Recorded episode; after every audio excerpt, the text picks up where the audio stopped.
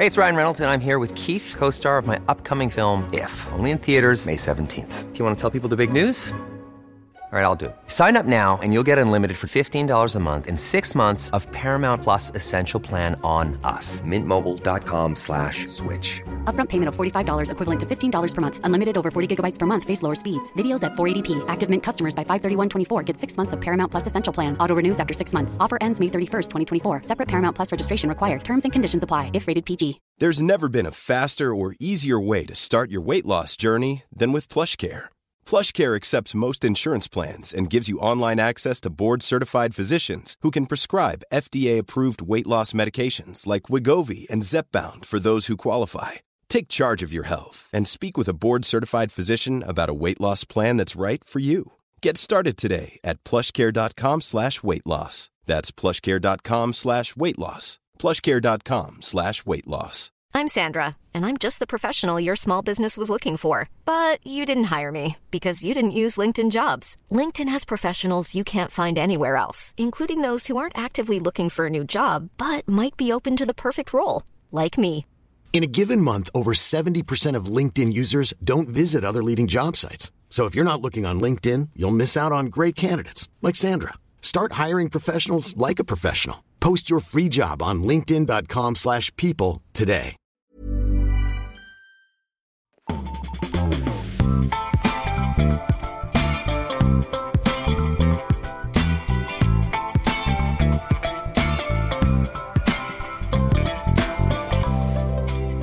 Ja men visst är det nyhetsshowen som vanligt denna tisdag den 13 februari. Hallå, hallå! God morgon Viktor Blomdahl, varmt välkommen. Tack så mycket, Tack. Linnea Rundqvist. Tack. Proffs, fullblodsproffs. Ja, ibland så. Ja.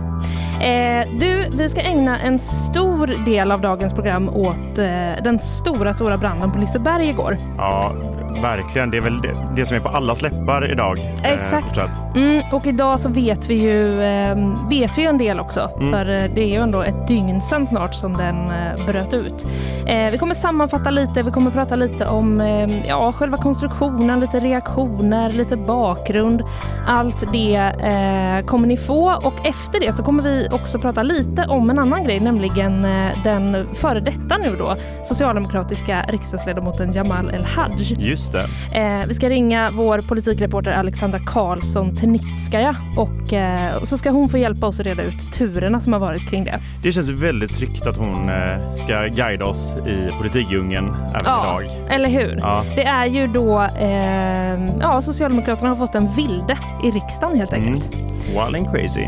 Ja, vi ska prata mer med Alexandra om det sen och sen blir det ju bakvagn som Mm. vi brukar. Ja, absolut. Vill du hinta något om vad du har? Ja, men det, jag har lite smått och gott. Vi har en eh, finsk, det finska Eurovision-bidraget som det var ju crazy förra året, Mm. men det kanske blir ännu mer crazy i år. Mhm. Och sen har jag några eh, klyftiga studenter som kanske har löst en 2000 år gammal gåta med vad då? Jo, såklart det som är i eh, ropet AI. AI. Mm. Ja, okej. Jag lämnar eh, min bakvagn som en överraskning faktiskt idag igen. Spännande. Ja, ibland så. Ibland så. Ehm, du, hur är det annars då? Är det, är det bra? Jo, men, jo, men det är bra. Mm. Ja, verkligen. Det kan ju bli lite semlor idag. Det, Just det. det. är ju... Då, jag, jag kan inte förstå att det inte skulle vara, kunna vara bra då. Nej, precis. Det är väl ändå en eh, grej. Det, det var ju lite... Det är ju lite knixigt det där, för GP brukar ju liksom eh, köpa semlor till Mm. personalen, kan vi ju meddela. Men de kommer ju ofta lite framåt eftermiddagen, Ja, verkligen. vilket är ett problem för den här redaktionen. Mm. Eftersom att eh, vår arbetstid inte riktigt är anpassad efter semmeltiden.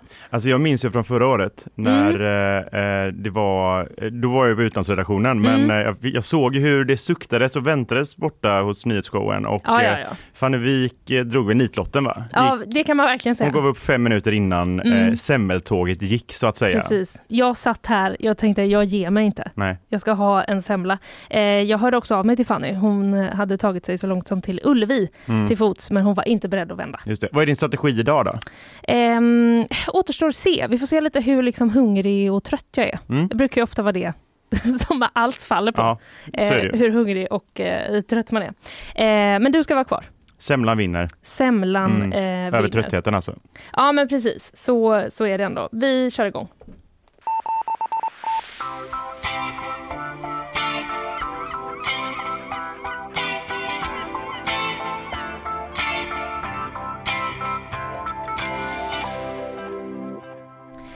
Vi ska återgå då eh, och prata om branden eh, på Liseberg. Sex minuter över tio igår morse får man väl ändå säga. Ja, Ja, förmiddag, ja, förmiddag typ. morse. Mm. Ja.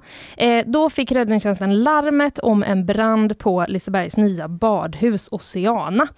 Eh, och branden ska ha startat då i en av rutschkanorna och väldigt, eh, väldigt snabbt får man säga så stod det klart att det var en kraftig brand. Eh, mm. brand.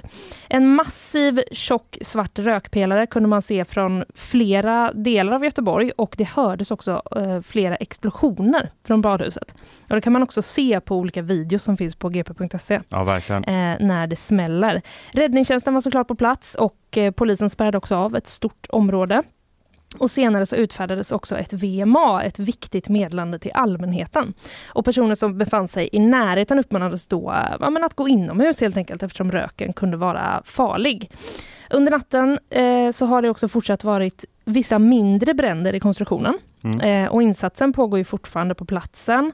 Byggnaden har ju eh, totalskada, mm. talar man om. Eh, och branden är heller ännu inte helt under kontroll enligt eh, räddningstjänsten. 22 personer skadades lindrigt i samband med branden och en person eh, saknas fortfarande. Just det. Som är ja, anmäld försvunnen då eh, helt enkelt. Det var en liten sammanfattning av eh, vad som hände under dagen eh, igår. Men Viktor, du jobbade ju på desken här igår. Just det, det gjorde jag ju. Där man liksom sköter det här snabba nyhetsarbetet för den som inte är helt insatt i vad en desk är. Exakt. Ehm, kan inte du liksom berätta lite bara, hur var det där i början när ni fick eh, larmet? Jo men det var ju det var ju eh, en ganska speciell förmiddag, eh, mm. helt klart. Eh, det, det hade varit ganska lugnt ute i stan. Det var ju typ lite halt och sådär. Så att, Just det. det var en ganska så lugn stämning på desken. Jag vet att jag och kollegorna vi höll på att fixa med någon, någon ja, dataskärm som inte riktigt mm. jobbade med oss. Och så ringde tipstelefonen. Mm. Vi har två tipstelefoner, eller två telefoner som man kan, ja, allmänheten kan ringa oss på. Och båda började nästan ringa samtidigt. Ja. Och eh, reporter då, Ebba Bergström, som satt där, svarade och eh, ganska direkt fattade vi att eh, den här skärmen kan vi inte fixa med. Det, det här är någonting Nej. stort liksom. Och eh, ja, mejlen började rasa, det började rasa in mejl liksom innan vi ens hunnit nå räddningstjänst och polis som är det liksom vanliga tillvägagångssättet, att mm. Eh, vi ringer dem där jättemånga oroliga läsare då skickar in bilder och liksom vill ju såklart veta vad som hade hänt. Och det vi kunde se då väldigt fort, eh, utan egentligen att ha pratat med räddningstjänsten, det var ju att, eh, att det just brann i en av de här rutschkanorna. Mm. Och det är ju eh, för den som inte har koll på hur det här Oceana ser ut så är det en ganska, så här, det är en ganska skrymmande byggnad precis innan man kommer över till Mölndal egentligen. Eh, och det är ju massa så här rör som sticker ut som är så här rutschkanor eh, kan jag tänka mig att det skulle ja, vara tanken att vara. Ja, liksom. Det, det ser väldigt någon... spexigt ut. Ja verkligen, det är någon som ser ut som en, eller såg ut som eh, liksom en stor tratt i princip. Precis. Ja. Och, där såg man då i ett av de här rören då, rutschkanorna, så, så såg det ut som att det brann på bilden i alla fall. Så vi började rapportera om där. Vi startade upp en nyhetstext och eh, ringer alla vi kan. Liksom. Mm. Liseberg, räddningstjänsten, eh, polisen, SOS Alarm, vi liksom ringer folk som bor i närheten. Mm. Det är mm. liksom försöka få, eh, få fram information. Mm. Och eh, vi skickar såklart iväg eh, reportrar på plats. Och eh, under tiden, alltså vi, vi pratar om ganska kort tid där, det är 20 minuter, så kommer det in fler mejl och, och, då, handlar det om, då uppger de att alla rutschkanor brinner. Och mm. Man känner ju själv att, eh, men vänta lite här, jag såg den här bilden, visst det var en kraftig brand, men det var ju bara i liksom, en liten del. Mm. Men sen då när eh, Ebba kommer, eh, kommer på plats då och hör av sig, då, då är det ett inferno bakom henne. Så då, då, då står ju liksom egentligen hela huset i brand. Mm. Um, ja, det finns en, eh, vi hade en, eh, liksom en otrolig bild, eller flera bilder på Ebba eh, som också kommer in om en liten stund. Vi ska, hon ska få berätta lite vad hon såg. Men, ja, men där hon står och så ser man bara hur det liksom brinner som ja. bara den bakom Ja men henne. exakt, alltså det är Ja, det går nästan inte att beskriva hur mm. eh, otroliga bilder det var på den här branden. Det, det såg ju ett inferno, mm. liksom. det låter som ett ganska trött ord när man pratar mm. om bränder, men, men det är ganska passande här liksom. Och eh, vi nådde liksom Lisebergs VD Andreas Andersen ganska fort och han hade ju liksom ingen information mer än att han var på väg till platsen för att se. Mm. Det hade liksom börjat utrymmas, eh, själva byggnaden. Eh, Lisebergs anställda fick lämna kontoren som är i närheten. Mm. Hotellet bredvid fick också evakueras. Just det. Eh, och även eh, World of Volvo ligger ju precis där. Det är ju någon, stort komplex för Volvo som också fick eh, inrymmas, tror jag. att De, var, de var liksom, fick inte gå ut då. För då, då kom ju det här ganska snabbt, det här, det här VMA, då, Just viktigt meddelande till allmänheten. Där det handlar om att man var tvungen att hålla sig inne. Det var för kraftig rök och det, det är ju någon, liksom de här rutschkanorna som börjar brinna, det är ju en speciell typ av plast. Så att det Ja. kan vara ganska Alltså, röken syntes ju över hela stan. Ja, ja, det var ju eh, ett stort ordentligt moln. Alltså. Ja, ja, alltså det Mm. var ju från, alltså folk hörde av sig från liksom Brännö till Langered Mm. eh, för att eh, veta vad det var som syntes liksom på himlen. Så det var ju väldigt, eh, alltså det engagerade förstår man ju verkligen och göteborgarna vill ju veta vad det här, eh, ja vad det som hade hänt liksom. Mm. Eh, flera förskolor fick också inrymmas, eh, till exempel, eh, där barnen fick hålla sig eh, inomhus. Mm. Um, och eh, det var också ganska dramatiskt, man såg ju polis och brandmän stå med liksom, ja, så här masker för Just det, För någon, röken. någon slags, ja inte gasmask är det väl inte, men, Nej men, det är något något liknande. Det, det ser Mm. ju väldigt så här, ja men man får ju nästan bilder från typ när man ser bild från alltså, krig nästan, du vet, Mm. alltså så. Ja, men det är en, Inte så eh, kraftigt, det men du fattar vad jag signalerar menar. ju ett allvar. Ja, Liksom. verkligen. Mm. Ehm, och eh, sen så som du nämner då så kommer de här eh, explosionerna också. Just och det. eh, vi får ju jätte, eh, jättemånga videos där, där det liksom syns hur delar av konstruktionen verkligen trycks ut. Liksom.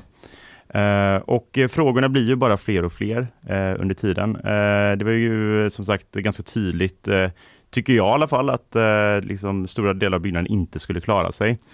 Eh, vi startade upp en chatt för våra läsare för att eh, liksom på något sätt kunna svara på oroliga frågor och där var det ju väldigt många som ville veta eh, liksom, vad, vad, hur kunde det här hända? Vad är det som har hänt? Liksom, är det en anlagd brand? Mm. och, och, där, och det vet vi ju fortfarande egentligen inte vad det är som har hänt, men vi, vi har ju fått lite uttalanden eh, från eh, Liseberg. De har haft svårt att uttala sig, men eh, de satte sig ganska snabbt i ett krismöte under dagen och jag, jag känner ganska många som jobbar på Liseberg. Jag själv Ja, jobbat på jobbat Liseberg en gång i tiden. Ja. Och jag fick höra från många där att, eh, att eh, de som jobbade att de fick gå hem Mm. för dagen. Liksom. De, de eh, fick lämna byggnaden och sen så var det egentligen inte så mycket mer för dem att göra. Eh, Så allt arbete avslutades ju väldigt abrupt och eh, som sagt Liseberg satte i krisledning eh, med ledningsgruppen och eh, Andreas Andersson uttalade sig kort till eh, GP att eh, framförallt när det blev klart att en person saknades Mm. i samband med den här branden, det blir ju klart framåt kvällen att eh, så var fallet, så berättade han att eh, de var djupt bestörta över den förödande händelsen som inträffat på Oceanas vattenvärld och att deras främsta uppgift nu är att bistå polisen i sökandet efter den saknade personen för att stötta anhöriga och drabbade. Eh, och eh, sen så Liseberg har ju inte haft eh, liksom kontroll över badhuset än, utan det är ju eh, huvudentreprenören NCC som har hand om det. För att de, de var ju verkligen i de slutfasen av byggandet. Mm. Det var ju i stort sett klart. Eh, NCC uppgav till oss att de har gjort slut, höll på med slutgiltiga installationer i huset och att branden förmodligen uppstått i samband med ett så kallat arbetsmoment. Okej. Det är i alla fall huvudteorin. Mm. Men eh, Amelie Winberg som är presschef för NCC, hon säger att eh, man måste invänta polisutredningen där innan man eh, vet. Men eh, frågorna är ju fortfarande väldigt många Mm. och många är ju, eh, förstår ju inte hur det kan ha brunnit så kraftigt och så fort. Alltså Nej. från att vi såg den här lilla branden, eh, eller lilla branden, men branden i en rutschkana till att Ebba hann ut så var liksom hela byggnaden liksom, eh, ja, men bortom räddning mer eller mindre.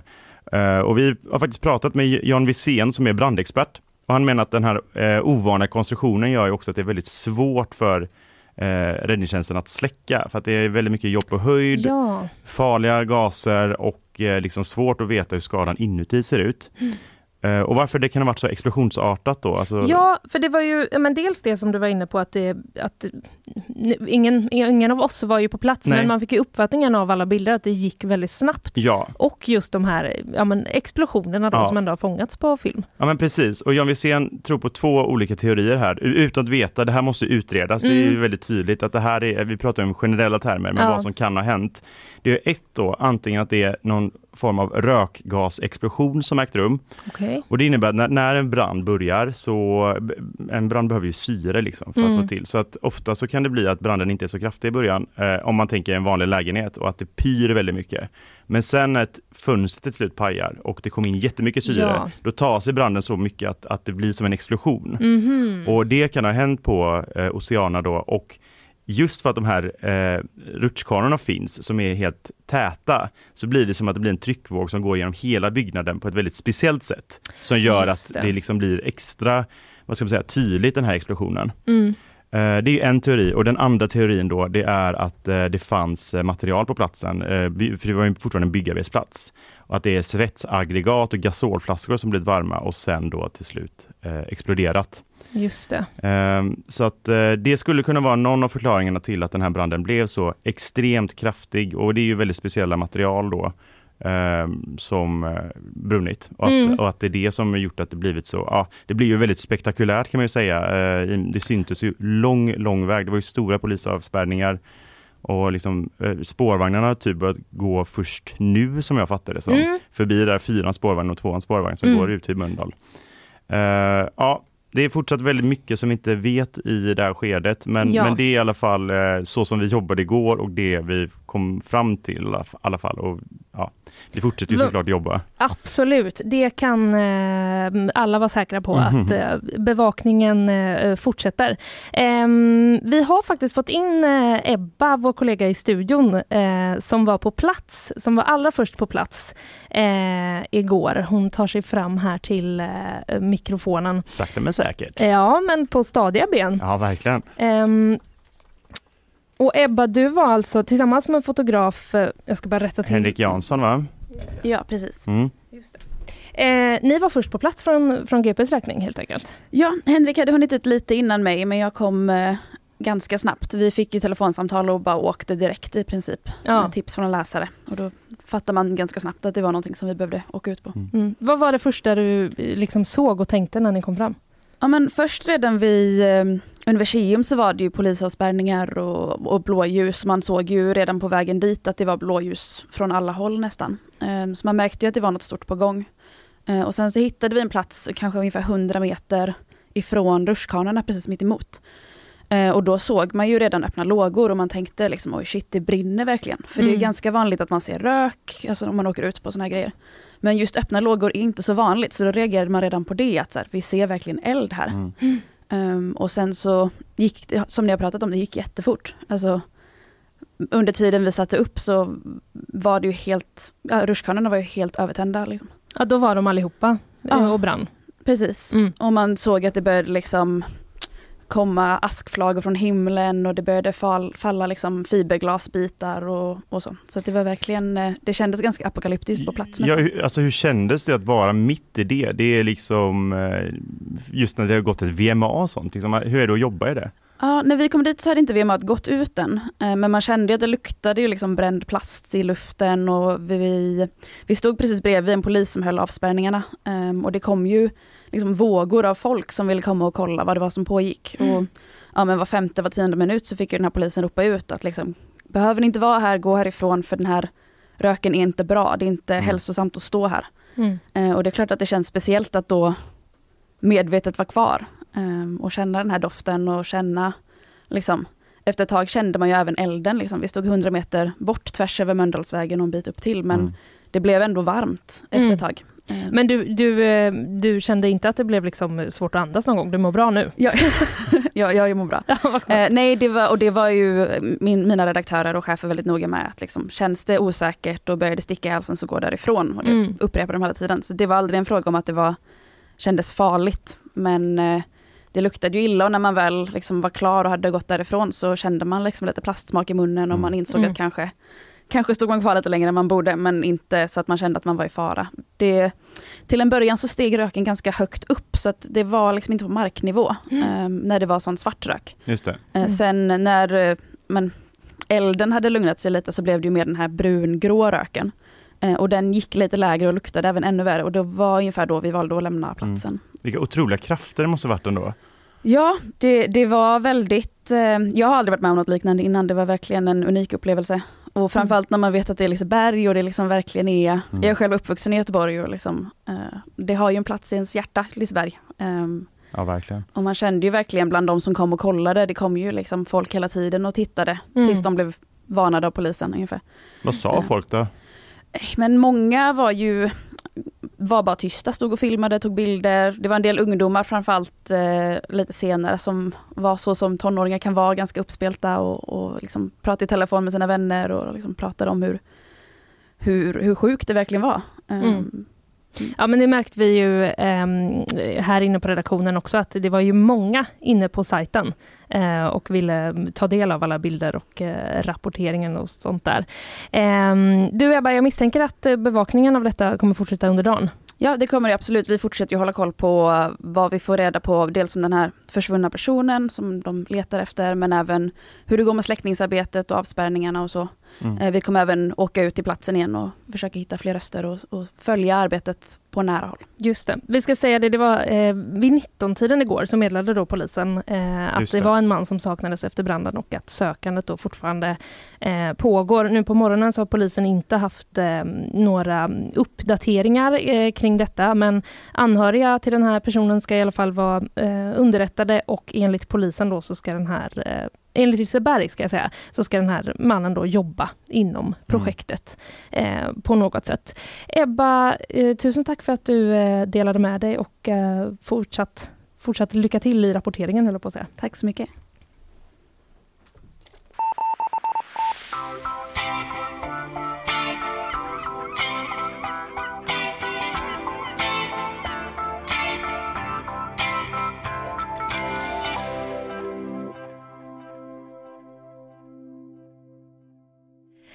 Vi ska fortsätta prata om eh, den här stora, stora branden i eh, Lisebergs eh, badhus igår. Men vi ska sticka emellan med ett nyhetssvep och lite andra nyheter också. Hallå Sofia! Halloj. Du, jag tänker att vi lämnar över direkt till dig.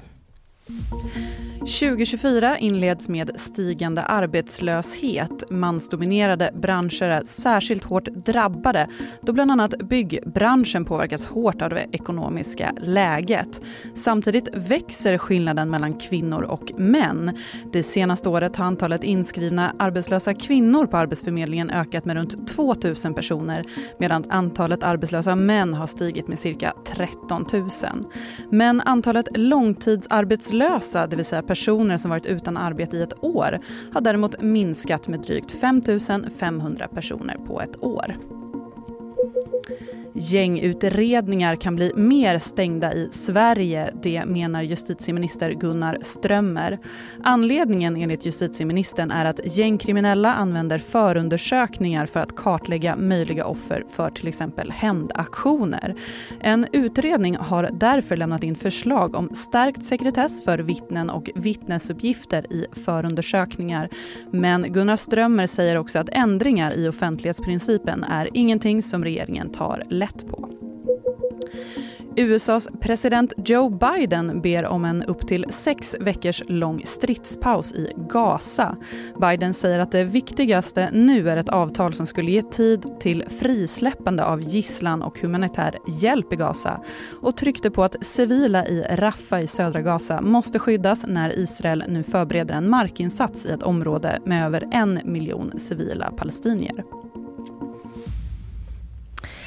Tack för det Sofia. Tack så mycket. Världen eh, fortsätter ju pågå. Den gör ju det. På något även, sätt. eh, Precis, även om eh, vi pratar mycket idag om storbranden och ska fortsätta med det direkt. Tack för idag. Tack så mycket.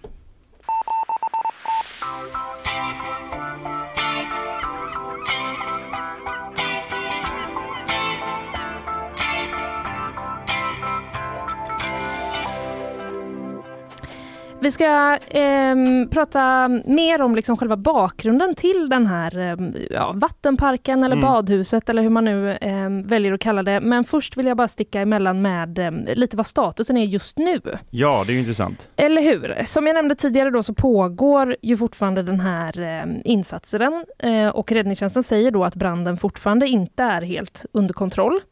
Eh, och under natten så har det fortsatt varit mindre bränder då i själva konstruktionen. Mhm. Eh, och räddningstjänsten har då svårt att komma åt dem eftersom att det finns en rasrisk. så har man inte kunnat gå in överallt än.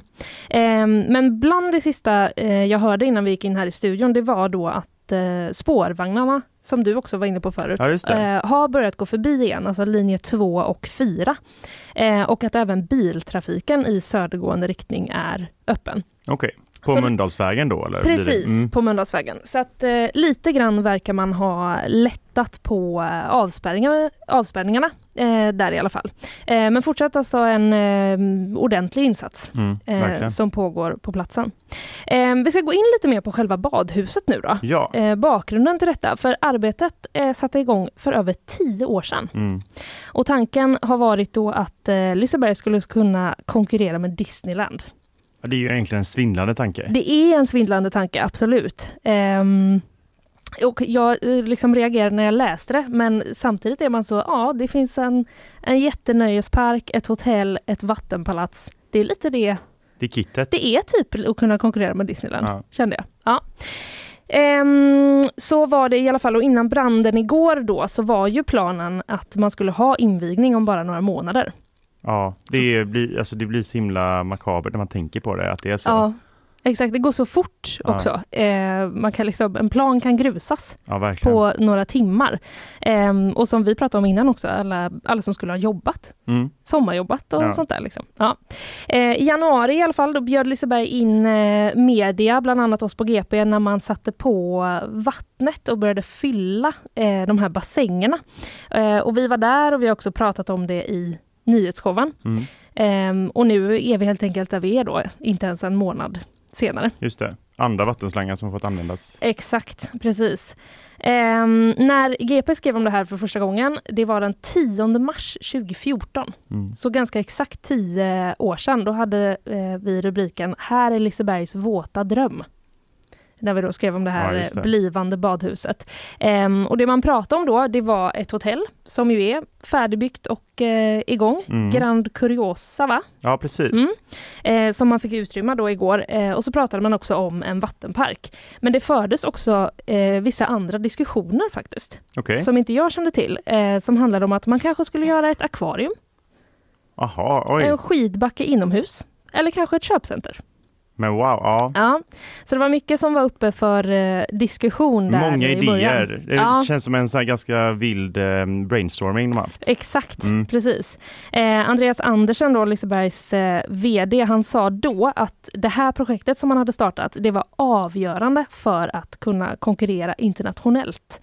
Kan vi bli starkare efter säsong och på vintern så vinner Liseberg, men framför allt vinner Göteborg, Mm. sa han då. Och 2017 i januari, då gav politikerna eh, det här berömda gröna ljuset det. till satsningen. Och det beskrevs då som, en, eh, som Lisebergs största satsning någonsin. Och det fick en budget på ungefär 2 miljarder kronor. Ja, ja, det är mycket pengar som gick upp i rök alltså. Ja, precis. Det återstår väl att se allt det Ja, där okej. med Nej, det är sant. försäkringar Det är och sånt. sant. Just det. Ehm, det hoppas jag Mm. att det finns. Eh, Ann-Sofie Hermansson i alla fall, socialdemokrat som då var kommunstyrelsens ordförande. Eh, hon sa så här till oss på GP, nu kommer Disneyland in då. Vi konkurrerar inte längre bara med Gröna Lund och Tivoli utan med Disneyland. De som har råd åker längre bort så det behöver, det behöver utvecklas, Mm. sa hon. Eh, sen kom då pandemin. Just det. Mm, då som var ett det slag ju, i magen. Precis. Det gick ju inget bra för Liseberg som ju ändå är verkligen en besöksnäring. Mm. Eh, får man säga. Men man höll kvar ändå i det här eh, projektet trots att man liksom blödde pengar mer Mm. eller mindre. Eh, Christer Holmgren, moderat, som då var styrelseordförande för Liseberg, han sa eh, så här till oss. Det här är precis vad destinationen Göteborg behöver för, för att få igång turistnäringen igen efter coronakrisen. Vattenparken kommer att kunna ta emot en halv miljon besökare om året och generera 185 000 extra gästnätter till staden. Det kommer ge nytt liv till en krisande bransch. Mm.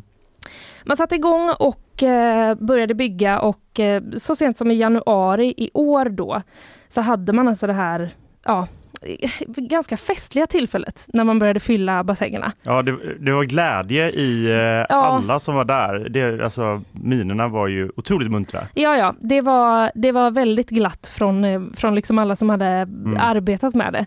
Eh, men mindre nu då, mindre än en månad senare så har eh, stora delar av det då brunnit eh, ner. Och på bilder som är från eftermiddagen igår, mm. eh, där, då hade liksom branden lagt sig något så att man ändå kunde se lite, för det är väldigt svårt att se mitt när det brinner för fullt, hur stora Precis. är skadorna och sånt.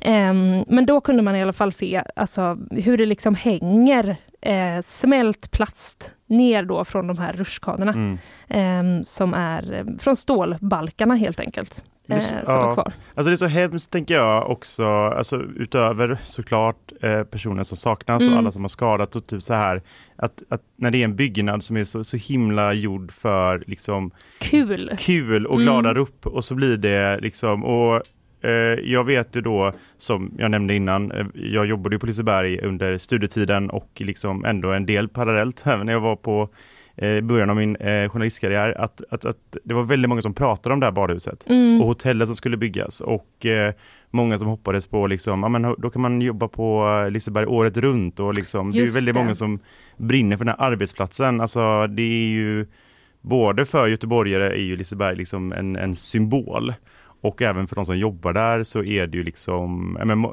många liksom har ju sitt liv med Liseberg. Liksom. Mm. Alltså, och förståeligt, det är en fantastisk arbetsplats. Liksom. Det var jätteroligt att jobba där. Men det blir så himla, ja men som du säger, att på bara ett par timmar brinner alla de förhoppningarna upp, en hel stads förhoppningar. Liksom. Mm. Det tio års eh, arbete. Ja, det är otroligt. Och planer. Mm. Eh, ja, vi ska, gå, eh, vi ska gå vidare och prata ännu mer mm. om eh, branden.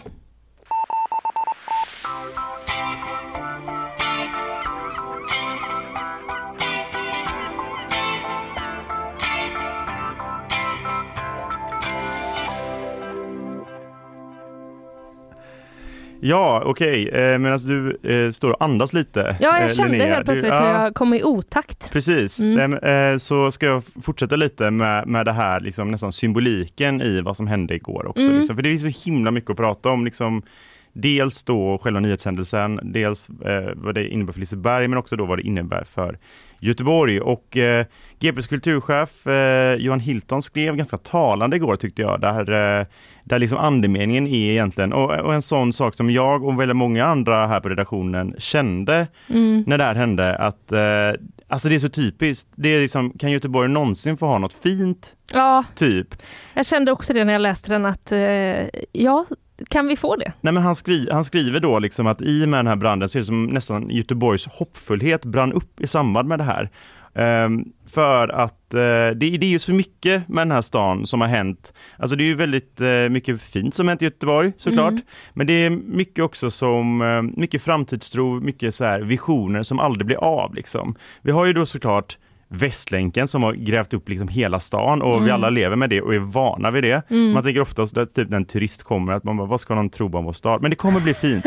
Det kommer bli fint samtidigt som arbetet då liksom i Haga står i stå för att det, mm. och så är det konflikter och det kommer skjutas på. Det blir mm. liksom, kommer det någonsin bli klart? Mm. Det var snack om en linbana som skulle liksom förändra hela skylinen på ja. Göteborg och det utreddes och det var så himla framtidstro och så nej, det blev ingenting med nej. det det liksom träts fram och tillbaka om vad man ska göra med Frihamnen, den här liksom otroligt centrala del av Göteborg som bara är liksom ett grustag och en halvhjärtad jubileumspark för att det, det blir aldrig någonting. Nej, liksom. alltså och förhoppningen är där, ambitionen är där, men det är alltid något som sätter stopp. Och sen så det här då, liksom Liseberg, det, det har ju ändå varit liksom ljuset i kanske det här mörkret då liksom. Men det av... har i alla fall varit, det är klart och det har vi. Det har vi och mm. det liksom finns feta karuseller. De har eh, hotellet som, eh, som liksom många ändå verkar uppskatta liksom och, och det är liksom eh, ja men det verkar gå bra för det och sen så var det då liksom kronan på verket, mm. så badlandet, liksom äntligen ska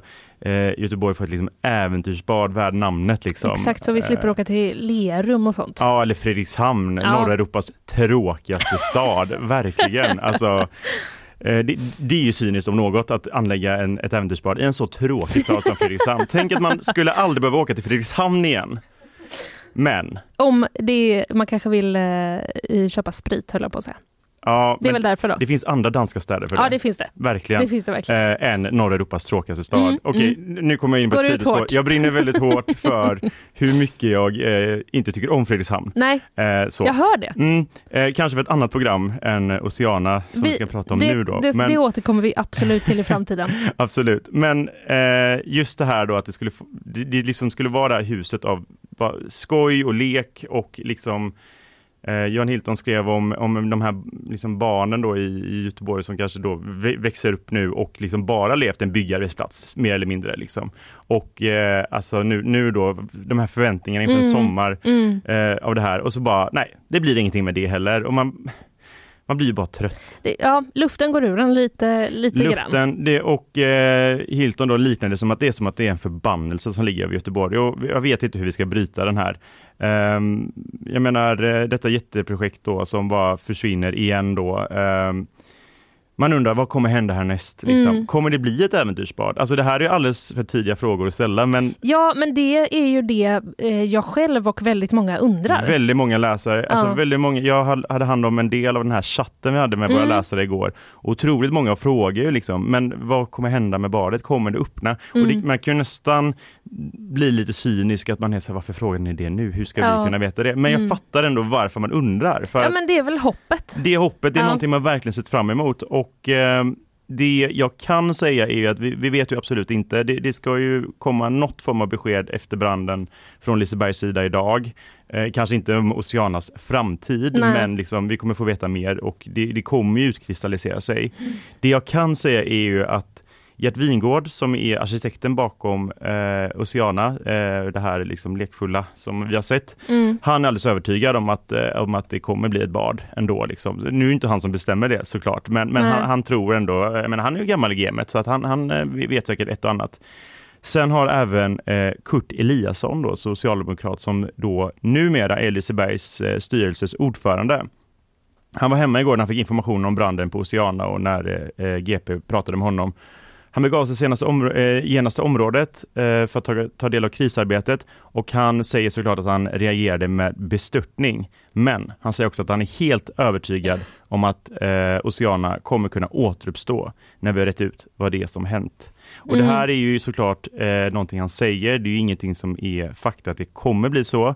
Men jag tycker ändå att eh, det är det vi får ta ifrån det här, att eh, om Oceana återuppstår så kanske det är ett tecken på att eh, förbannelsen i Göteborg till slut, det här kanske var sista eh, liksom slaget innan förbannelsen är över. Jag hoppas i alla fall det. För Ja, att, eh, Låt oss någonting hoppas. måste vår fantastiska stad som vi alla älskar få. Tycker jag. Ja, så är det absolut. Och det är ju en eh, presskonferens också idag eh, klockan 11 Ja. som eh, Liseberg och NCC håller tillsammans. Ehm, Så det kan man absolut förvänta sig rapportering kring på våran sajt ja. och en massa annat också. Det finns ju också eh, oändligt höll jag på nästan att säga med artiklar från igår som man kan läsa. Ja, och det kommer komma så många nya artiklar och vi, som sagt, den här chatten är fortfarande aktiv. Om ni har några frågor, ställ där. Vi ska försöka svara så gott vi kan Ja. eh, från desken. Men också, vi har ju haft en, en livestream över området när det brunnit. Den eh, vet jag inte om den är igång just nu, men i alla fall, vi, vi, man kommer få liksom eh, mer eller mindre direktrapportering. Jag skulle nästan tro under hela dagen här. Ja. Eh, Så vill ni veta mer om Oceana, gå in här på GP. In på gp.se och eh, läs. Med det så tar vi och eh, lämnar eh, branden för en liten stund. Mm. Vi ska ringa upp våran politikreporter i Stockholm, Alexandra Karlsson Tenitskaja och vi ska prata om eh, Socialdemokraternas eh, numera då nyblivna eh, vilde i riksdagen, eh, Jamal El-Haj. Just det, för det har varit lite då politiskt eh, eh, bakgrundsljud kan man säga till Ja, den här branden då, som vi har exakt. jobbat med. Exakt, och hon har full koll på det. Så det lägger vi över i hennes händer att, Mm. att hjälpa oss. Hennes trygga barm. Exakt. Det, ja, vi, vi är tillbaka alldeles strax.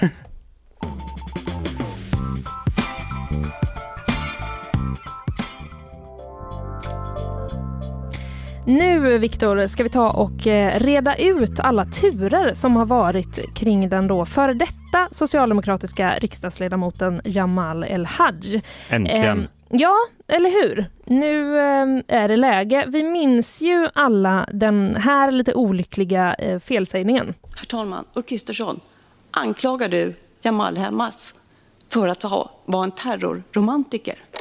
Mm, det var alltså från i höstas då när eh, Magdalena Andersson försvarade Jamal El-Haj i riksdagen efter att Ulf Kristersson då hade nämnt honom när han pratade om att det fanns en citat terrorromantik i vissa S-kretsar. Men det var då och eh, mycket har hänt sedan dess och nu har alltså El-Haj lämnat Socialdemokraterna och eh, blivit den första politiska vilden i riksdagen från Socialdemokraterna. Någonsin. Eh, jag blir lite osäker nu faktiskt. Ja, eh, men för den här mandatperioden kanske? Åtminstone för Ja. den här eh, mandatperioden. Emily har eh, koll. Nej, någonsin. Oj, ja. Den första någonsin. Ja. Eh, ni hör i alla fall, det är mycket eh, man vill veta mer om här eh, och därför har vi nu då med oss vår politikreporter i Stockholm, Alexandra Karlsson Tenitska. Hallå! Hallå! Hej! Tjenare! Du, eh, om vi börjar med att fräscha upp eh, minnet lite från i höstas då när Magdalena Andersson försvarade El-Haj i riksdagen. Vad var det han hade gjort då som fick eh, Ulf Kristersson att prata om terrorromantik? Ja, alltså det var ju, det började ju för flera månader före. Det här, det, det här felsägningen och sådär, det var ju ganska sent på hösten. Men i maj förra året så skulle det hållas en palestinsk konferens i Malmö. Och Jamal El-Haj, han är ju från Malmö, liksom Malmös valkrets. Och till en början så hade Socialdemokraterna och Vänsterpartiet och Miljöpartiet tänkt delta i den här palestinska konferensen. De tänkte väl att det var en fin sak att vara med på. Liksom. Men sen visade det sig att en Amin Abu Rashid skulle komma och han är någon sorts ledare för den här terrorsekten Hamas som vi alla är liksom väldigt, känner till väldigt väl nu efter liksom oktober, den 7 oktober. Mm. Men före det så var det inte lika många som kanske kände till Hamas lika mycket. Men det stod i alla fall klart att, han, den, här, att den här personen var kopplad till Hamas. Ehm, och detta visste alla redan då och som, eh, att han skulle komma och vem han var. Och de här tre partierna som, som hade tänkt delta, de backade direkt och sa nej men vi kommer inte på detta. Och de uppmanade också alla sina medlemmar och politiker att inte delta på den här konferensen. Ehm, och alla lyssnade förutom en person. Just och det det. var Jamal El-Haj. Och han gick dit trots eh, att partiet hade sagt att han inte får. Eller Just att han inte borde. Men och för att förtydliga då, så det som Magdalena Andersson försvarade, det var inte att han hade deltagit på den här konferensen, visst var det så? Nej, nej, tvärtom. Utan det här, när, han, när det kom fram där att han var där, för det finns ju bilder och sådär när han både skakar hand och liksom lite kramas med den här Hamas-ledaren. Ehm, då fick han ju repressalier direkt. Han fick lämna flera eh, ganska tunga utskottsuppdrag i riksdagen. Eh, men samtidigt har hon ju flera, flera gånger sagt att hon känner sig trygg med att eh, Jamal El-Haj inte är en Hamas-anhängare. Mm. Eh, och det, hon har sagt också är att han har ägnat hela sitt liv åt att kämpa mot Hamas. Har hon hävdat eh, gång på gång när hon har fått frågor om det här Just det. eh, sen Okej. i våras. Men Mm. nu i fredags då, då släppte ju Expressen en granskning om eh, Jamal El-Haj här och Mm. eh, ja, vad framkom i den? Eh, det som framkom var att eh, han under 2017 ska ha ringt upp en handläggare på Migrationsverket och försökt påverka ett asylärende för en väldigt konservativ imam. Enligt Expressen så ska den här imamen ha predikat om ja, typ hur fruar ska vara hemma och ta hand om hemmet och uppmuntra till eh, att man ska tillrättavisa olydiga fruar och sådär, bara för att nämna några exempel. Mm. Så att ni förstår vad det är för typ av kille det här är. Och Jamal El-Haj eh, ville liksom på något sätt gå i god för att den här imamen var en eh, kanonkille. Och han ska ha också i det här samtalet med handläggaren ska han också låta det framgå att han själv är riksdagsledamot för Socialdemokraterna. Just det. Så, så han använder liksom sin position där för att, eh, Använder han Ja. uttrycket kanonkille? eh, nej, det Nej. var min tolkning. Ja, just det. Okej. Ja, ja. Nej, men jag bara var nyfiken på om det fanns något sånt där officiellt. det. Men Eh, jag, bara, jag var tvungen att sammanfatta dokument. lite. Det, det är så. Ja, han Eh, ville gå i god för honom. ja, jag fattar. Ja men precis. Men hur, och hur, har, hur reagerade Socialdemokraterna på det här då? Ja, man skulle kunna säga att det här blev ju droppen, social, Socialdemokraterna. Ehm, det var ju så här, för några veckor innan det här i fredags hände då, eller innan Expressens rapportering, så var ju Jamal El-Haj plötsligt med i både SVT och DN och då skulle förklara det här som hände på Palestinakonferensen. Han har inte gett några intervjuer om det överhuvudtaget, men det hände i princip. Mhm. Bara några korta kommentarer. Men då var han liksom plötsligt med och skulle tala ut om detta. Och det var väldigt många som hade väntat på det och man trodde väl att man skulle få liksom en väldigt bra förklaring där. Kanske Mm. typ, jag visste, jag hade ingen aning, jag vet något, alltså du vet, någonting Mm. som man skulle kunna veta. Men han hade väldigt luddiga svar till oss i både SVT och DN. Eh, Det var liksom, ja, man blev inte så klok på de svaren helt enkelt. Så som av vår kollega Arne Larsson skrev i sin analys så tror ju han och jag tror också det att han hängde nog lite löst redan efter de intervjuerna på Socialdemokraterna. Mm. Och sen kom ju Expressens avslöjande i fredags och det var liksom lite droppen. Det kom på morgonen, på fredagsmorgonen. Och vid tretiden hade S samlat sig så pass att han kunde hålla en liten kort pressklunga på, vid sitt högkvarter på Sveavägen 68 här i Stockholm. Ehm, ja, där de då, då sa att Mm. han skulle läm- lämna sin riksdagsplats. Just det. Men Mm. hur är det? Han sitter ändå kvar i riksdagen nu bara att eh, den här socialdemokratiska droppen har gjort att han inte sitter för dem längre? Eller hur, hur går snacket där bland Ja, er politikreportrar? ja, precis. Det var lite roligt. För det, det, som, hände- det som hände i fredags på den här lilla pressklungan, det var ju så här, det var inga partitoppar som var där och berättade hur det skulle bli för Jamal El-Haj, utan de skickade fram eh, en riksdagsledamot, Niklas Karlsson, ordförande i Skånedistriktet, så de kastade Skåne under bussen här liksom. Eh, inga partitoppar var där och det de sa då att de uppmanade honom att lämna sin riksdagsplats. Och jag Mm. undrade faktiskt varför de inte sa direkt att han skulle lämna partiet. Ja. Men nu förstår man ju att det var ju för att de var rädda att han skulle göra så här. Att om de sa att han skulle lämna partiet, då sa han okej, men då sitter jag kvar och är politiskt vilde. Mm. Så de försökte ju få honom att lämna riksdagen liksom. Men det tackade han ju nej till då och sitter kvar som politisk vilde istället. Ja, just det. Men, och, och det är inte, alltså, kanske minst sagt inte speciellt uppskattat då av Socialdemokraterna att Mm. han inte ger upp sin plats. Nej, precis. Nej, precis. De har ju, alltså, de har varit ute, Lena Hallengren, deras gruppledare i riksdagen, har ju sagt, eh, ja, sagt att det här är, det här är liksom inte bra och att det här visar ännu en gång, som jag uttryckte sig, att han sätter sina egna intressen före Socialdemokraterna. Ehm, Mm. Ja, Mm. så, att- men vad, nu, det finns liksom inte så mycket de kan göra åt saken just nu, utan det här är en demokratisk process. Mm. En möjlighet som finns liksom, för riksdagsledamöter att ändå sitta kvar. Vad säger, han eh, själv, vad säger han själv då? Hur motiverar han att han, att han sitter Mm. kvar? Eh, han är inte jättebra intervjuad. Vi har ju sökt honom såklart. Eh, han har skrivit på Facebook och skickat ett brev till S. Och där skriver han att det vore inte, jag ska behålla min plats i riksdagen. Det vore inte rätt gentemot våra väljare och gentemot den svenska demokratin att lämna sitt uppdrag. Alltså, det, det är lite luddigt. Det är lite som de här intervjuerna i SVT och DN. Att det är lite sådär, man får liksom inte riktigt några svar. Utan han, ja, han, han, han tycker liksom att hans uppdrag fortsätter. Mm. Eh, Mm. så, och att han har fått ett förtroende från väljarna. Mm.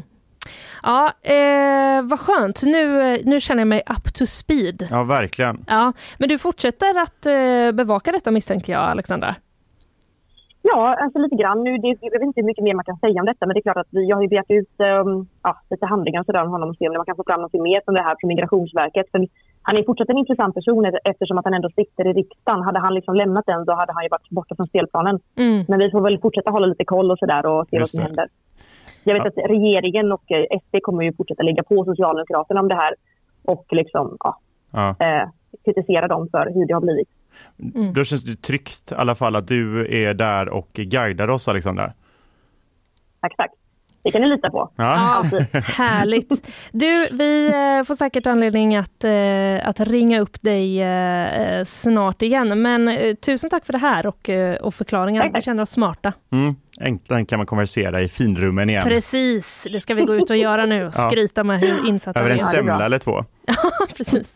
Tack Alexandra. tack, tack. Hej. Hej. 13 februari är det idag. Jag sitter här med dig, Viktor Blomdahl. Ja, här sitter jag med dig, Linnea Rundqvist. Snyggt. Du, vi kan ju säga det för nytillkomna lyssnare att vi har ju pratat en hel del om storbranden på Lisebergs nya Mm. badhus tidigare i sändningen.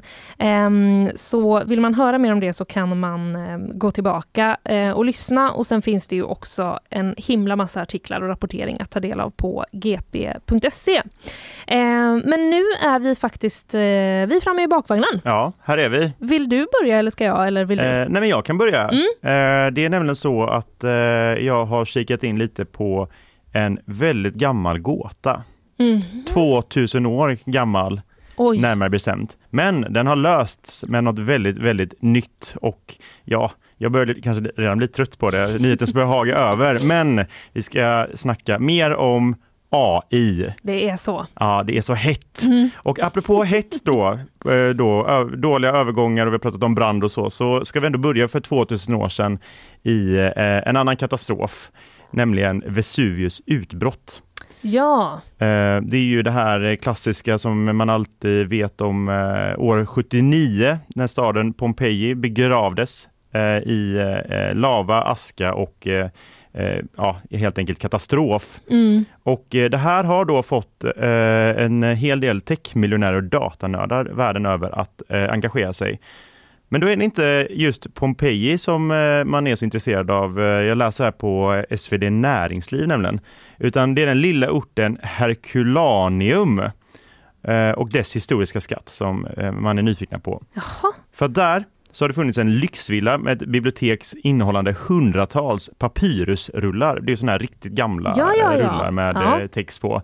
eh, Som har legat begravd under lavan. som de har i Asterix och Obelix va? Eh, precis. Kände jag genast att det var dit min Eh, hjärna gick. Exakt, Mm. det, det är liksom det är där man gärna vill gå. Mm. Eh, Till eh, den här lilla byn i Galgen Exakt. eh, och deras eh, elixir som man ska dricka för att vara Ja, ja, och den här hunden som jag glömt. Ehm, Ja, Idefix. Idefix ja. Idefix ja. Oj, varma känslor jag fick. Verkligen. Ja. Eh, lika varma känslor har då de här tech, eh, eh, personerna, techmiljonärerna och datanördarna för eh, den här lyxvillan då och papyrusrullarna. För att eh, begravd under den här lavan då så har eh, de här rullarna bevarats genom årtusenden, orörda av både människohänder och av syre. Det känns ju som en, eh, inte en match papper och lava. Nej, Det känns ju som att de Precis. snarare borde vara totalförstörda, men det är det som är gåtan då? Ja, Eller? men det är det som är gåtan. För att, Mm. eh, så här en liten kort historisk bakgrund. En it- italiensk bonde hittade den här begravda lyxvillan av en slump eh, på 1700-talet. Eh, när han skulle borra i en brunn och eh, Alltså vad jag önskar att det händer mig någon gång. ja, eller hur? Att jag bara hittar något eh, otroligt Ja. någonstans. Ty, ja men verkligen, här, en vikingaskatt kanske Ja. om man nu ska vara här hemma Ja. i Sverige. Fast jag vill helst inte hitta typ som någon gammal kam från vikingatiden. Jag vill Nej, hellre hitta ett men jag slott. tänker typ så här, massa, ja, eller typ en kista med guld som de har plundrat eh, borta Mm. i England någonstans. Mm. Eh, hur som haver i alla fall så har det varit ett problem då med de här rullarna för att de är ju då ihoprullade, Just därav det. rullar. Mm. Och eh, de är ju så pass gamla och ändå eh, liksom påverkade så att om man försöker öppna dem Mm. så pajar de. Mm. Ehm, några få har under stor, stor möda rullats upp ändå. Ehm, under flera årtionden av en munk tydligen och eh, där ser Under man flera årtionden. ja, så här. Rullade han en millimeter i taget? För det var tvunget att gå så Nej, långsamt. men, eh, om jag ska citera då Ja. eh, från eh, initiativet The Vesuvius Challenge som då behandlar detta, så är det att tidiga försök att öppna rullarna eh, förstörde tyvärr många av dem. Några få har under stor möda rullats upp under flera årtionden av en munk. Ja, så mycket riktigt. Och de innehåller filosofiska texter skrivna på grekiska. Mer än 600 har förblivit oöppnade och är då oläsbara. Mm. Och då kommer då The Vesuvius Challenge in. Ja. Eh, och det är ju då att man på något sätt ska kunna avläsa de här rullarna utan att förstöra dem. Mm. Eh, Nat Friedman som är tidigare VD för kodarplattformen GitHub är en av nyckelpersonerna. Han blev smått besatt av att hitta svaret på hur de förkolnade rullarna som mest påminner om förtvinande svarta bananer skulle kunna läsas. Okej. Eh, Och för knappt ett år sedan då så bildades han den här utmaningen och det är ju många som hakat på. Det är eh, Daniel Gross, en entreprenör som 2013 sålde sin sökmotor, sökmotor Q till Apple. Eh, och även en Don, Dr. Brent Seals bidrog med viktiga erfarenheter som grundade eh, eh, den här eh, sökmotorn. Ja, det är väldigt många olika typer av människor som är med i alla Mm. fall. Mm. Men de var övertygade om att en ny teknik skulle kunna ändra på allt detta. Så att man skulle kunna läsa rullarna utan att förstöra dem. Så man satte igång en tävling och eh, The Vesuvius Challenge utlovade belöningar på sammanlagt en miljon dollar till de som kunde bidra med att lösa delar av det här högteknologiska pusslet. Som jag beskrev då. Wow. Ja. Och då är det en eh, student, eh, Luke Ferriter, som eh, då var 21 år när han gjorde praktik på SpaceX, för vi måste få in Elon Musk här på något sätt. Mm. Jag kände just, när kommer han? Mm, han kände sig kallad och från sitt studentrum på universitetet i Nebraska så inledde han sina försök att avkoda den här historiska eh, gåtan då. Ehm, hans metod var lika enkel som eh, genial. I stark förstoring tycktes ett mönster av sprickor träda fram i de här rullarna. Eh, och det här hade in, någon NASA-ingenjör, Casey Hanmar, tidigare skrivit om på sin blogg. Mm. Eh, och med sina kunskaper om maskininlärning lyckades Luke Ferreter hösten 2023 förfina metoden för att avkoda ett komplett ord i en av rullarna. Eh, och då är det massa grekiska bokstäver här då. Som, Enkelt. Eh, eh, ja, Eh, och betydelsen enligt experter på området bedöms vara färgen lila. Åh, Eh, och sen så då, men, men det är flera då som har eh, gett sig på att eh, avkoda den här aktuella rullen de håller på med då. Så då har vi eh, Josef Nader i Berlin, en student i robotik från Egypten. Eh, som ett par eft- veckor efter den här lila genombrottet då lyckas avkoda flera rader text från samma område på rullen. Och där var resultatet ännu tydligare. Dessutom var Naders metod inte beroende av manuell identifiering av sprickmönster. Ja, man kommer in Nej. i väldigt mycket teknik här i alla fall. exakt. Ehm, Jag tänker om jag liksom bara, nu är jag ju amatör Mm. i det här sammanhanget, men man vill ju ha någon slags liksom eh, röntgenstråle typ, ja, som klarar av att fatta när nästa ark kommer. precis. Så att den inte läser igenom allt samtidigt. Har Och, de tänkt på det undrar jag bara. Eh, nej men vi får nog återkomma till eh, de här eh, eh, personerna innan. Mm. Eh, eh, för att se om, om vi kan hjälpa till där, om nyhetsshowen kan på något Just sätt eh, bidra. Men Ja. i alla fall så, det, det, det har varit fler och fler bidrag i den här challenge då, för det, det här har ju samlats då i The Vesuvius Challenge. Mm. Och eh, till slut var det nästan inte en fråga om om den här rullen skulle avläsas, utan när någon hade lyckats knäcka det. Ja. Ehm, och eh, då är det den här Josef Nader, Luke Ferreter och en Julian Schillinger som anses ha vunnit eh, The Vesuvius Challenge och får nu dela på priset 700 000 dollar, så inte riktigt en miljon då som utlovades, men eh, ja ja. Inflationen. Eh, och den stora frågan då är, vad stod det i den här Ja, rullen? mer än lila. Ja, i, i dagsrullet har då, i dagsläget, dagsrullet, har 5% av en rulle avkodas och den tycks möjligen innehålla en slags motbild mot stoicismen, en populär filosofisk strömning under antiken. Eh, där stoikerna menade att dygd var att eh, eh vara allt överordnade för det mänskliga livet, alltså skit i allt annat, bara du är, eh, har en god dygd så var du fine i livet. Men den här skulle då motsäga detta och eh, den 2000, åren, den 2000 år gamla rullen diskuterar musik, mat och hur man njuter av livets glädjeämnen och tydligen är det då färgen lila. Gud vad intressant. Mm. Vad spännande uppgifter. Ja, men att det tar så här lång tid att avkoda en liten del av en rulle, Ja. om det är hundratals rullar i den här eh, lyxvillan, eh, Då- då det finns jobb kvar. Jag känner, låt eh, munken fortsätta istället bara. Jag hejar på munken. Mm, jag med.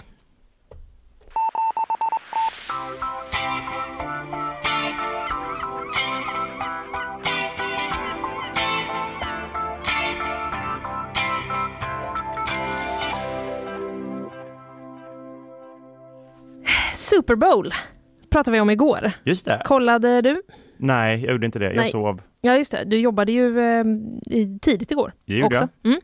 Eh, jag läser i alla fall på Aftonbladet nu, eller Sportbladet kanske jag ska säga, att eh, presi- president, president Mm. Joe Biden Just det. sågas efter Super Bowl-bilden. Okej. Ingressen lyder då, eh, först gav Travis Kelce kärleken Taylor Swift en segerkyss. Sen agerade Joe Biden via X som svar på alla teorier. Mhm. Ja, vilken mystisk ingress va? Ja, verkligen. Visst blir man eh, liksom, eh, man blir så att säga spänd eh, på att veta mer. Har du sett den här, eh, vet du vilken bild jag pratar om?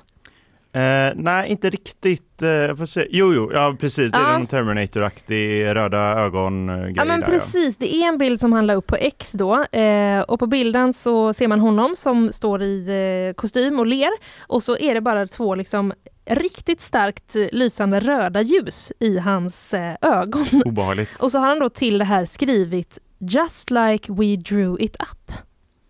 Precis som vi planerade det då, eh, översatt till Okej. eh, svenska. Eh, kan man säga. Det har fått stor eh, kritik faktiskt på, flera, på flera håll. Mhm. Ehm, och diskussionen Ja, diskussionen då skriver eh, Sportbladet har eh, Gud, vilken konstig mening de har skrivit här. Jag läser den nu. Mm. Diskussionen har sedan Joe Biden valt att försöka Ja, disk nu. Okej. Tredje gången gillt. Yes. Diskussionen har sedan Joe Biden valt att utnyttja till sin fördel. Mm. Ja, nej men det handlar ju då om att eh, det höjdes röster bland NFL-anhängare om att eh, det här mötet då i fråga skulle ha varit uppgjort. Just det. Dels för att ligan då skulle vilja utnyttja Taylor Swifts eh, stjärnglans som Sportbladet skriver ihop med Kelsey. Ja. Eh, något som då NFL-basen tydligen, Roger Goodell, känt sig tvingad att avvisa. Jaha. Eh, men Rolling Stone skrev tidigare också då att, eh, det, att det även finns ett politiskt motiv bakom att då låta eh, Chiefs, eh, som det vinnande laget Mm. heter, låta dem vinna för att se till att Swift ska visa sitt stöd för Joe Biden. Okej. Det är liksom en, det är lite, vi är Väldigt lite, genomtänkt konspiration i så Precis, fall, eller? vi är inne och tassar på konspirationsområdet eh, här. Eh, det ska i alla fall då enligt eh, Rolling Stone ha liksom rört upp känslor kring, kring Trumps anhängare. Mm. Gud vad bra Ehm. vänta att Trump skulle också göra entré här, lite som Elon Musk i förra eh, Ja, delen. exakt, precis. När Mm. kommer han? Mm. Eh, nej men det är väl då ehm, i alla fall, jag vet inte om det kanske är någon slags flört till, eh, eller liksom ett sätt att retas med den här eh, teorin om upplägget som Joe Mm. Biden har lagt upp den här bilden. Alltså nu när jag fattar kontexten kan jag tycka att det är eh, oväntat roligt Ja. gjort av honom ändå. Eller att hur? Det är man- lite piggt. Ja, när man såg bilden först som europé som inte följer Super Bowl så Mm. fattade jag verkligen ingenting. Nej, jag Men- kände bara, är han galen? Ja, exakt. Är det hans riktiga ögon? Men nu är det ju ändå, ja det är lite roligt ändå. Det är så här, ganska roligt. Bara liksom anspela på de här teorierna liksom. Ja, exakt. Farligt men roligt. Farligt men roligt, eh, precis. Och inlägget har ju då fått eh, stor kritik eh, på flera håll. Men eh, då vet ni i alla fall eh, lite mer om eh, Joe Bidens eh, röda ögon på X. Mm.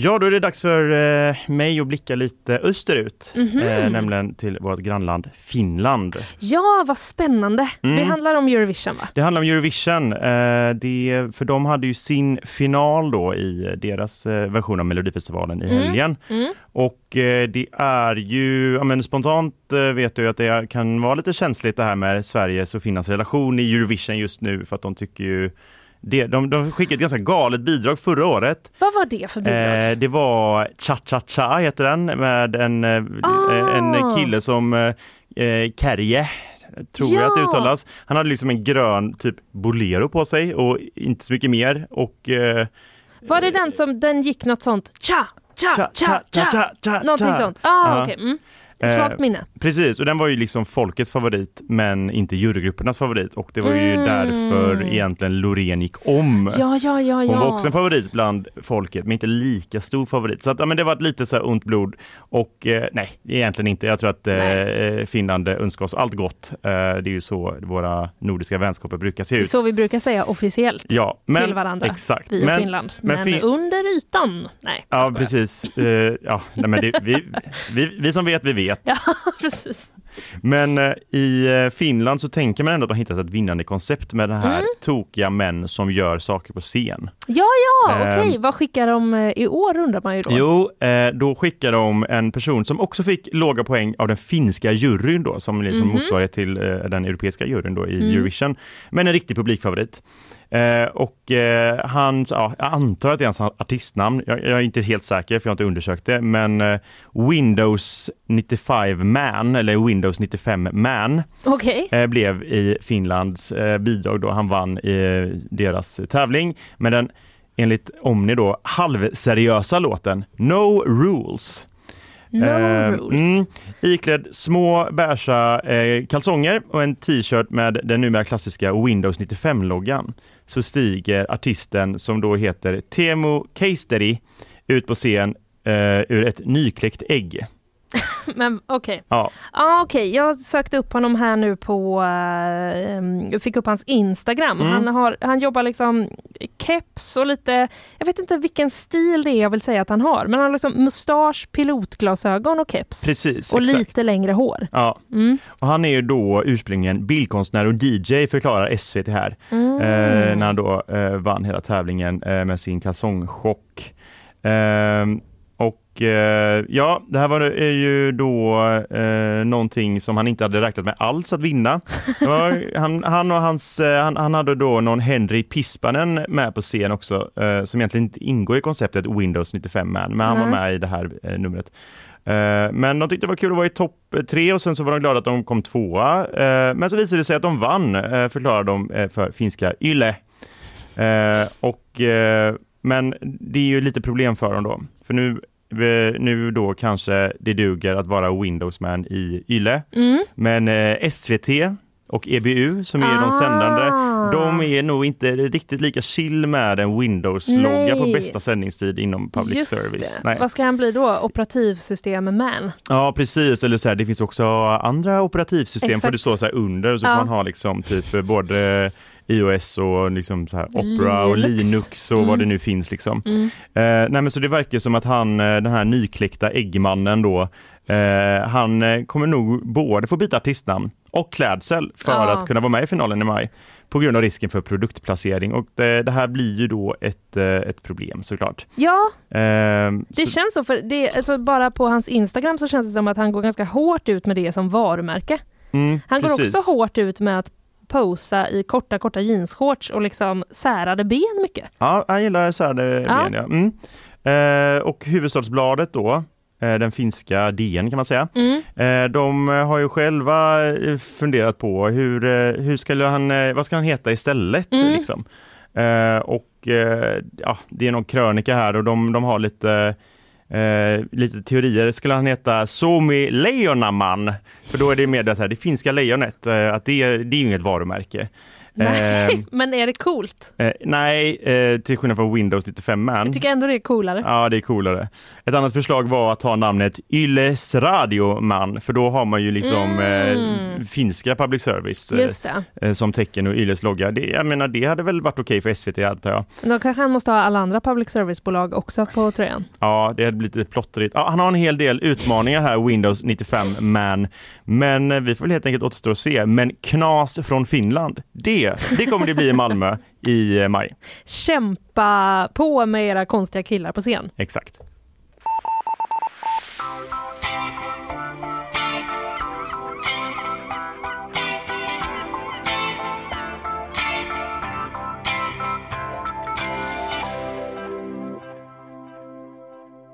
Nu ska vi prata grönsaker. Ja, vad gott. Har du eh, någon favoritgrönsak undrar jag? Som du typ, så den har jag oftast hemma. Ja, men eh, det, det är ju så tråkigt att säga, men jag har ju alltid gurka hemma. Det tycker jag är, liksom passar det mesta. Det är lite basic bitch på Det, den. ja, jag vill säga eh, att jag är, gillar broccoli, även fast jag inte har det till allt. Men det känns också så himla duktigt att säga det. Ja, det är men vill säga väldigt, det. Nej, men det är väldigt, väldigt, väldigt gott. Ja, är det så gott? Ja, jag tycker det. Okej. Mm. Jag respekterar din eh, åsikt. Eh, men vi ska inte prata om det, utan vi ska prata om morötter Ja, nu. men vänta, förlåt, men vilken var din favorit då? Ehm, jag skulle säga att det är eh, liksom oavgjort mellan morot och körsbärstomat. Just det. Jag har ju fortsatt köpa körsbärstomater genom hela inflationskrisen. Ja, För att eh, de är, jag vet inte, de håller sig så bra. Det jag. gör de. Och eh, de är också syrade. Man- Nästan, om man kisar kan man äta det som godis. Ja, Alltså, vad- nej, vad- vet du vad? Nej, Nej. Jag är Eh, ledsen. Jag är, Men- verkl- jag men- är verkligen inte så här präktig i verkligheten. Det är bara någon person jag antog nu. men det blir så ibland. Mm. Det bara är så. Ehm, nej, men de, är- de är ändå så här, om man blir krishungrig, Mm. eh, som jag kan bli ibland, då är det ju väldigt, eh, då är det bara ta en sån bara, Ja. så är det klart sen. Det är inget tjafs. En tomat har du. Nej, absolut inte. Jag tar flera. Men så Ja. kanske jag tar en morot också. Och vips har jag ätit en sallad. Mm. Eh, ganska praktiskt. Jag läser i alla fall nu då på SvD att eh, var tredje morot blir inte mat. Nähä. Nej.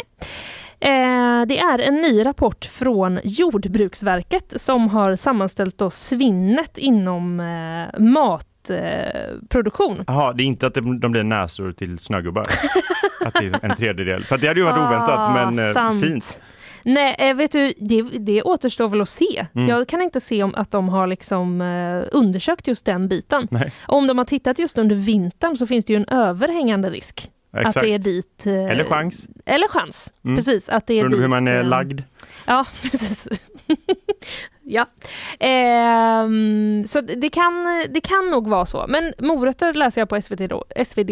Det är en av få grödor där Sverige är självförsörjande. Mhm. Det var väl ändå intressant? Vad härligt det känns ändå. Eller hur? Det känns, eh, det känns som att eh, det kan jag i alla fall ha kvar då. Ja. Om krisen kommer. Ja, precis. Möjligtvis. Inte körsbärstomaterna tror jag. Nej. De är, Nej. de är nog inte lokala så här i januari. Men ja, jag vet inte. Eh, I alla fall, det är då 38 000 ton morötter, var tredje som odlas, som inte når eh, våra kök. Och en del blir tydligen kvar på åken. Okej. Jag vet inte, man kanske inte kan liksom, eh, det kanske är svårt att få upp alla av någon anledning. Eh, men den, näst, den största förlusten då, det sker på packerier där morötter som är för stora, för små eller avbrutna sorteras bort. Okej. Va- varför då? Jag vet inte. Eh, och det slår mig nu att eh, när jag köper mina morötter, som jag ofta köper i påse, Mm. då är det ofta liksom en halv här och där. Ja, det är väl inget konstigt. Nej, det är ju också morot. Ja, som precis. ens också eh, föräldrar sa när man var liten och inte ville äta något som såg lite konstigt ut. Ehm, men nu har man egen ekonomi och har skärpt sig. ehm, ibland i alla fall. Men det är nästan bara morötter av klass 1 som säljs i Sverige. Läser jag. Och i, I klass 2 så tillåts en högre andel avbrutna morötter. Mhm. Eh, men ratade morötter då har blivit eh, foder, biogas eller kompost. Okej. Karin Lindov som ehm, jag eh, som är utredare då vid Jordbruksverket. Hon säger att mycket mer skulle kunna bli livsmedel om dagligvaruhandeln och grossister i större utsträckning utnyttjade möjligheten att sälja klass 2 och om mer kunde förädlas till morotsbiffar och annat.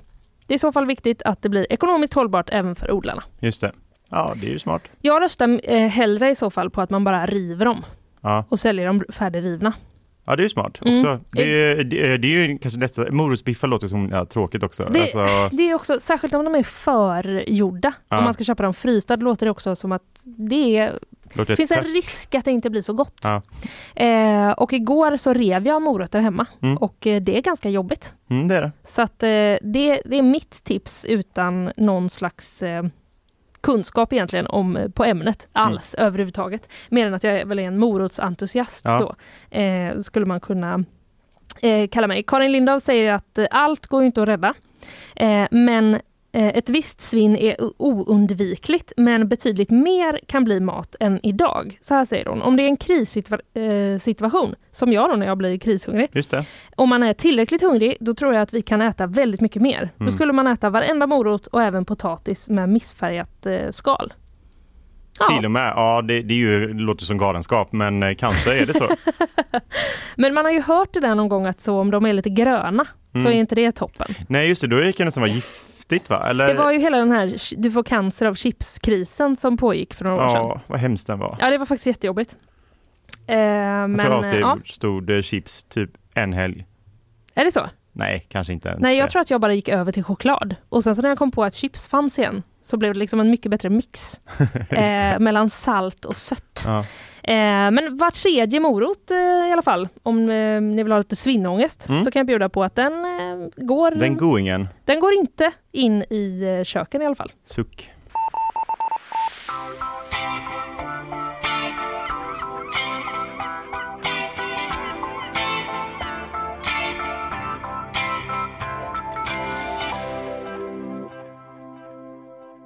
Då ska vi avsluta med en eh, Ja. skön nyhet va? Vi avslutar på topp. Eh, Ja, jag, precis. tittar, jag tittar ut här, det har ju snöat ute. Det Mm. är vitt på taken och eh, Bara tomten är vaken. Eh, nej, till och med tomten sover tror jag Mm. faktiskt eh, så här i februari. Men visst väntar man på varmare tider. Det Oh, tycker ja. jag i alla fall. Men då kanske man får passa på för att eh, det kan vara på gång att det blir 20 grader kallare i Sverige.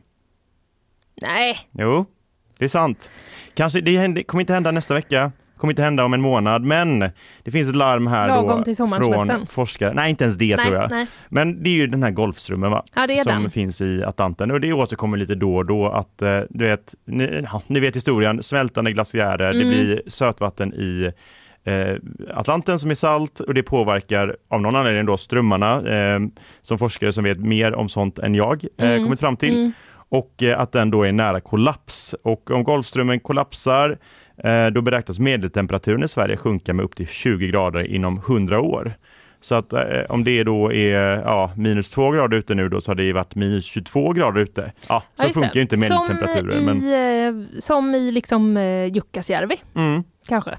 Nu vet jag inte hur kallt de har det där just nej. nu. Men det känns också lite som att jag tänkte att alla somrar skulle bli som förra sommaren. Men vet du, det här, Victor, det här, jag kan inte tänka på det här. Nej. Alltså, eller kan jag göra någonting åt detta? Liksom? För att eh, om, jag inte, om svaret är nej, då vet jag inte vad jag ska göra med informationen. Uh, nej. Jag ställer höga krav på dig nu. Precis.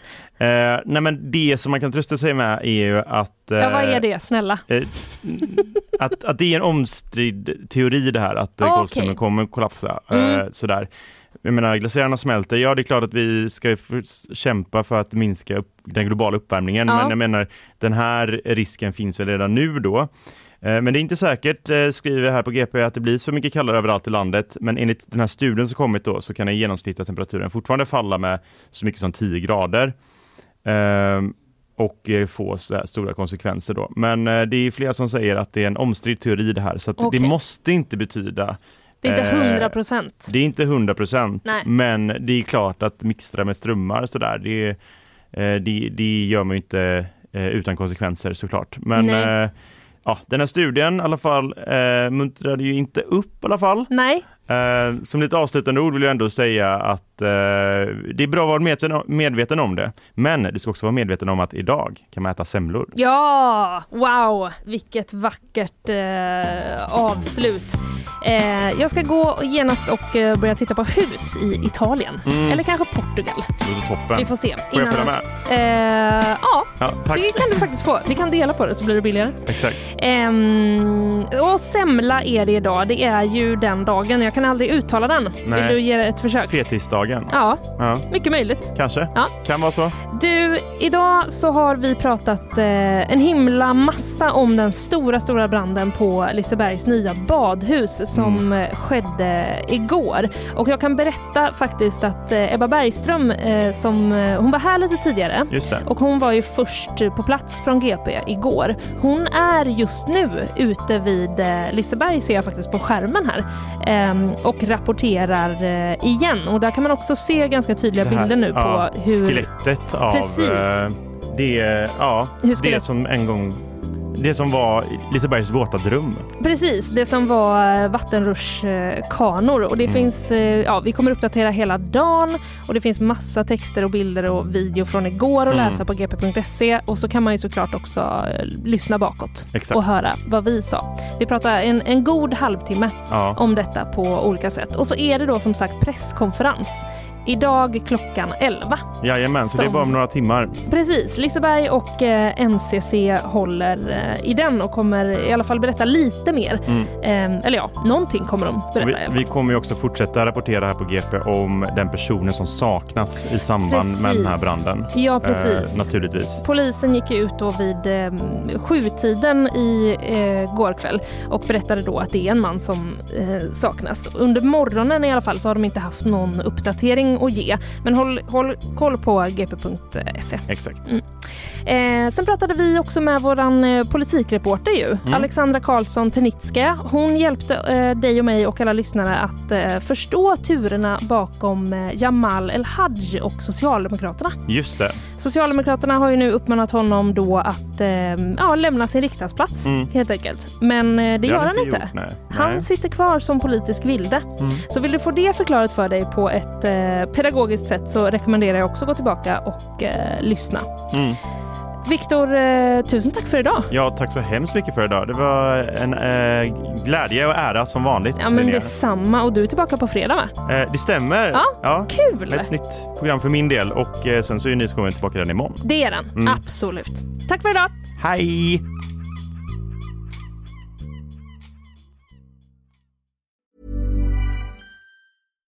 When you make decisions for your company, you look for the no-brainers. And if you have a lot of mailing to do, stamps.com is the ultimate no-brainer. It streamlines your processes to make your business more efficient, which makes you less busy.